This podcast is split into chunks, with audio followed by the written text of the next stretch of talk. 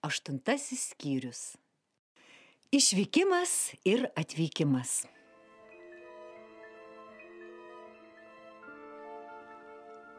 Alisa pažvelgė tiesiai jiems į akis. Ar dėl to, kad čia visą laiką yra šešta valanda, stalas visuomet nukrautas arbatos puodeliais? Paklausė jis savo pašnekovų. Ai, taip dėl to, patvirtino vienišas kalnakasys atsidusęs. Visą laiką yra metas gerti arbatą ir mes paprasčiausiai neturime kada išmazgoti puodelių ir lėkštučių.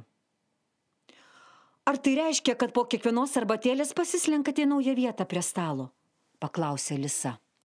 Taip, persikeliame kiekvieną kartą, pasakė vienišas kalnakasys. O kas nutinka, kai pasiekėte vietą, kur pirmą kartą buvote susėdę?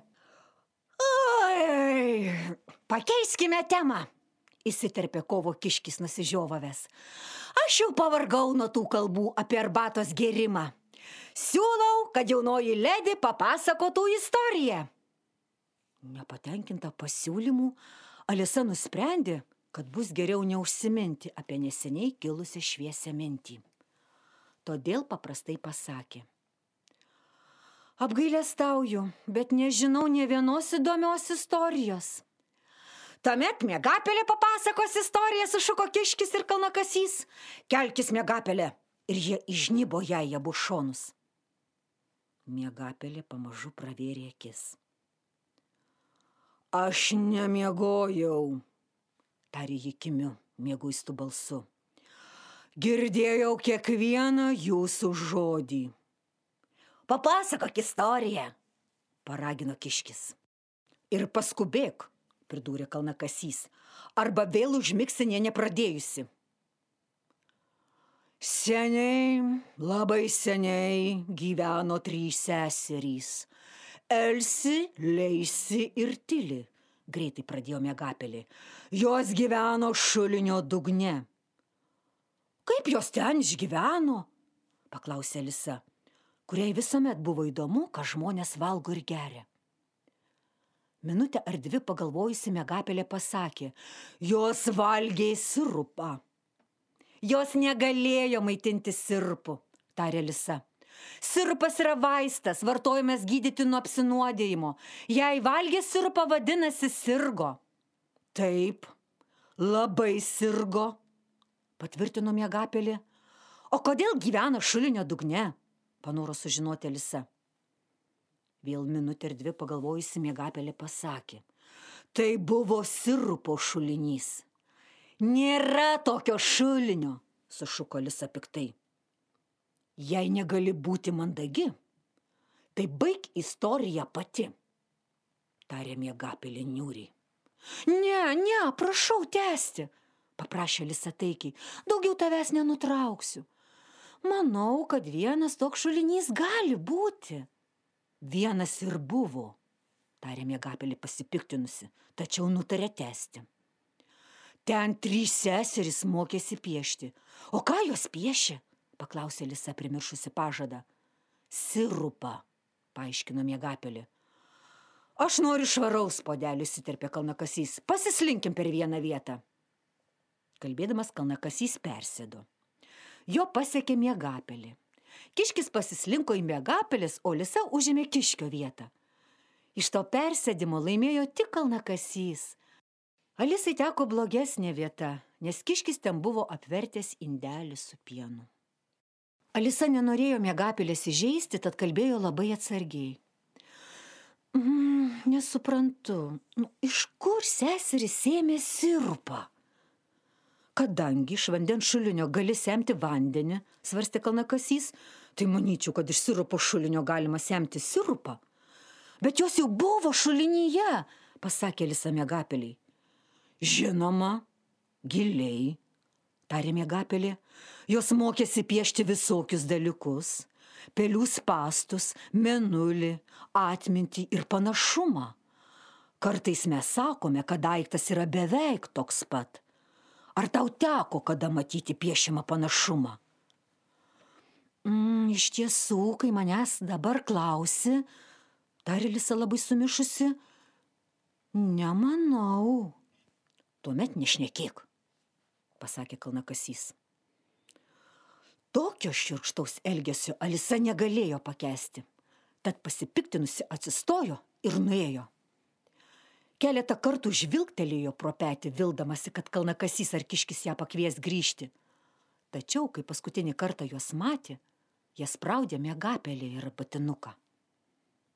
Daugiau niekuomet ten neįsiu, pasakė Saulisa žingsniuodama per mišką. Tai buvo pati kvailiausia arbatėlė per visą gyvenimą. Taip kalbėdama, Alisa pastebėjo, kad vieno medžio kamienė yra duris. Labai keista, tarė ji, bet šiandien viskas keista. Tad kodėl neėjusi vidų? Alisa vėl atsirado didelėje salėje netoli mažo stiklinio stalelio. Šį kartą pasielgsiu gudriau, pasakė savo. Dabar iš pradžių paėmė raktelį ir atrakino duris į sodą. Paskui atsikando trupinėlį grybo, kurį laikė kišenėje ir krapsnojo jį tol, kol sumažėjo iki pėdos dydžio. Paskui perėjo nedidelį praėjimą ir nustebusi apsidžiaugė galiausiai patekusi į gražų sodą su spalvingomis gėlių lysvėmis ir vėsiais fontanais netoli įėjimo į sodą stovėjo didelis rožės krūmas. Jo žiedai buvo balti, bet trys sodininkai kruopščiai dažė jų vainiklapis raudonai. Alisai tai pasirodė labai keista ir ji priejo arčiau pažiūrėti, ką jie daro. Prisertinusi išgirdo vieną sakant. Atsargiau penkiakį nesilaistik dažais, aptaškiai mane visą. Aš čia nieko dėtas, atsakė penkiakis. Septynakis komštelėjo mano alkūnę. Išgirdęs tai septynakis tarė. Taip, taip, penkiakį visuomet kaltink kitus. O tu geriau žiūrėk, ką šneki, įspėjo penkiakis. Girdėjau, kaip vakar karalienė sakė, jog tau reikėtų nukirsti galvą. Už ką? paklausė tas, kuris prakalbo pirmasis. Ne tavo reikalas, dvieki, pasakė septynakis. Ne, tai jo reikalas, nesutiko penkiakis. Ir aš jam pasakysiu. Už tai, kad vietoj svagūnų atnešė tulpių galvočių. Septinakis numetė šalin teptuką ir tarė. Na, iš visų neteisingų dalykų. Staiga pastebėjo žiūrinčią juos Alisa. Plačių mostų jis ir kiti sodininkai žemai nusilenkė. Malonėkite pasakyti, paklausė Alisa, kodėl dažote tas rožes? Netarė nei žodžio, penkiakis ir septynakis pažvelgė į dvi akį ir šis negarsiai pasakė. Matote, panelė, mums buvo įsakyta pasodinti raudonų rožių krūmą, bet per klaidą pasodiname baltų. Jei karalienė sužinos, visiems nukirzdins galvas, taigi darome, ką galime, kol ji netėjo ir... Tuo metu penkiakis, kuris neramiai žvalgėsi po sodą, sušuko - Karalienė! Karalienė! Kita akimirka trys sodininkai įsitėsi veidais į žemę. Tolumoje pasigirdo žingsniai ir Alisa pakėlė akis nekantraudama pamatyti karalienę. Priekė žygiavo kareiviai su lasdomis. Visi jie buvo tokio pavydalo kaip sodininkai, pailgi ir plokšti, su rankomis ir kojomis kampuose.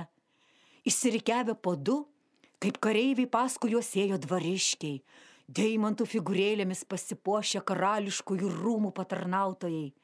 Po dvariškių, išpašti širdelėmis, susikibę rankomis, šokdami ėjo karališkosios šeimos vaikai.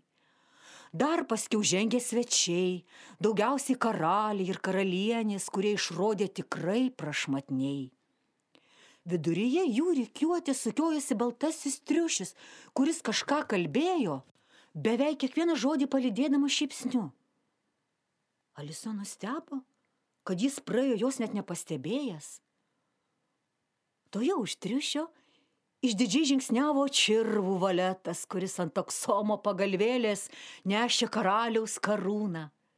Paskutiniai toje didingoje procesijoje ėjo kortų karalius ir karalienė.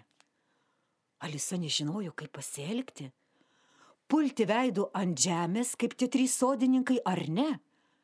Ji negalėjo prisiminti girdėjusi apie tokią taisyklę. Be to, pamanė, kokia nauda iš procesijos, jei žmonės negali jos pamatyti. Tad ji liko stovėti, kaip stovėjusi ir laukė. Atėjusi prie Alisos, karališkoji procesija sustojo.